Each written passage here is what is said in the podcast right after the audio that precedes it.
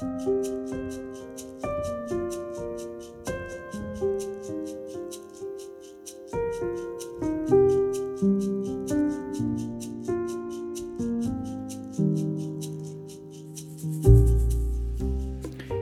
lyttere.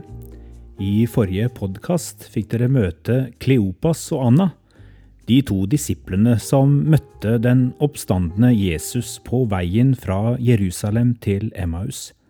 En historie vi bare kjenner fra Lukasevangeliet, kapittel 24, og vi vet lite både om Kleopas og den andre, som ikke er oppgitt med navn. Derfor har jeg fantasert litt, men jeg er ganske sikker på at jeg har rett i at denne fortellingen beskriver det jeg definerer som et Kairos-øyeblikk. Et Kairos-øyeblikk har jeg blant annet definert slik. Det kan være et møte med det hellige midt i tiden. Det hellige, som for meg er den hellige, den treenige Gud. Men typisk for et Kairos-øyeblikk er også at det inviterer til en respons hos mennesket. Det kan bli til et vendepunkt, og ofte er det først i ettertid vi klarer å sette ord på hvordan dette øyeblikket faktisk forandret oss. La oss fortsette å høre hvordan Kleopas og Anna kan ha opplevd dette øyeblikket, og hvordan vi kan tenke oss at det preget dem. Mitt navn er Kleopas. Jeg vil fortsette å fortelle deg om livet mitt, og om hvordan det ble forandret da jeg ble kjent med Jesus. Jeg var bare 14 år den gangen, og sikkert en av de yngste ifølge hans. Tante Anna og jeg gikk altså der langs veien fullstendig oppslukt av vår egen sorg og fortvilelse over det som hadde skjedd da Jesus døde fra oss tre dager før. Og så gikk han plutselig der ved siden av oss og snakket med oss, uten at vi kjente ham igjen. Først etter at det hele var over, etter at han hadde spist sammen med oss og blitt borte igjen, Først da demret det for oss. Har du noen gang vært ute for noe sånt? At du snakker med noen og får noen skikkelige aha-opplevelser?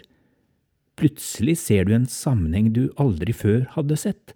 Noe gir mening på en helt ny måte. Det var jo ikke sånn at vi ikke hadde lest disse tekstene i Det gamle testamentet før. Tante Anna kunne profetene ut og inn, og hun hadde stadig fortalt meg om dem, men det var først nå, i dette øyeblikket, mens denne ukjente mannen fortalte, at vi så alt sammen så klart som vi aldri hadde gjort før. Men vi gjenkjente han ikke før vi satt ved bordet. Selv om larven var blitt til en sommerfugl, avslørte han seg da han plutselig gikk fra å være gjest til å være vert, og delte ut brødet og skjenket opp vin til oss. Typisk Jesus. Og så fløy sommerfuglen.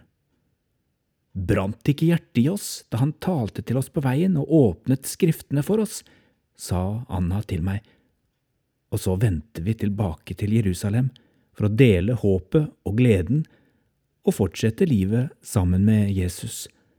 For det skal dere vite, han fløy ikke for å bli borte for oss, han fløy for å kunne være nær alle mennesker som kommer til tro på ham. Det var noe av det han forklarte oss to, tante Anna og meg, den dagen på vei til Emmaus. Da skjønte vi ikke engang at han egentlig snakket om seg selv.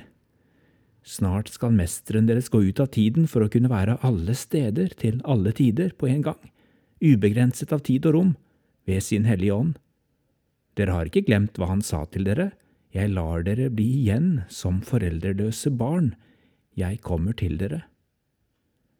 Kairos-øyeblikket lærte meg noe.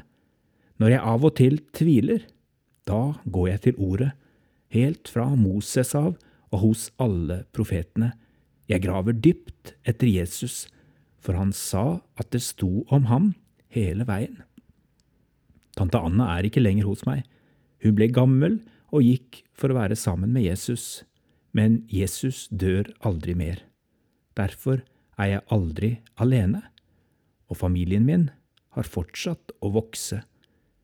Det er nesten alltid fullt rundt bordet når vi spiser, og så ofte det passer slik, tar jeg fram det spesielle, usyrede brødet og bryter det og deler det ut sammen med vinen, slik at Jesus får fylle oss igjen med sin nåde og sitt nærvær. Da er det som om jeg både ser han og kjenner han inni meg. Kristi kropp, gitt for deg. Kristi blod, utøst for deg. Guds hellige nærvær, midt i tiden.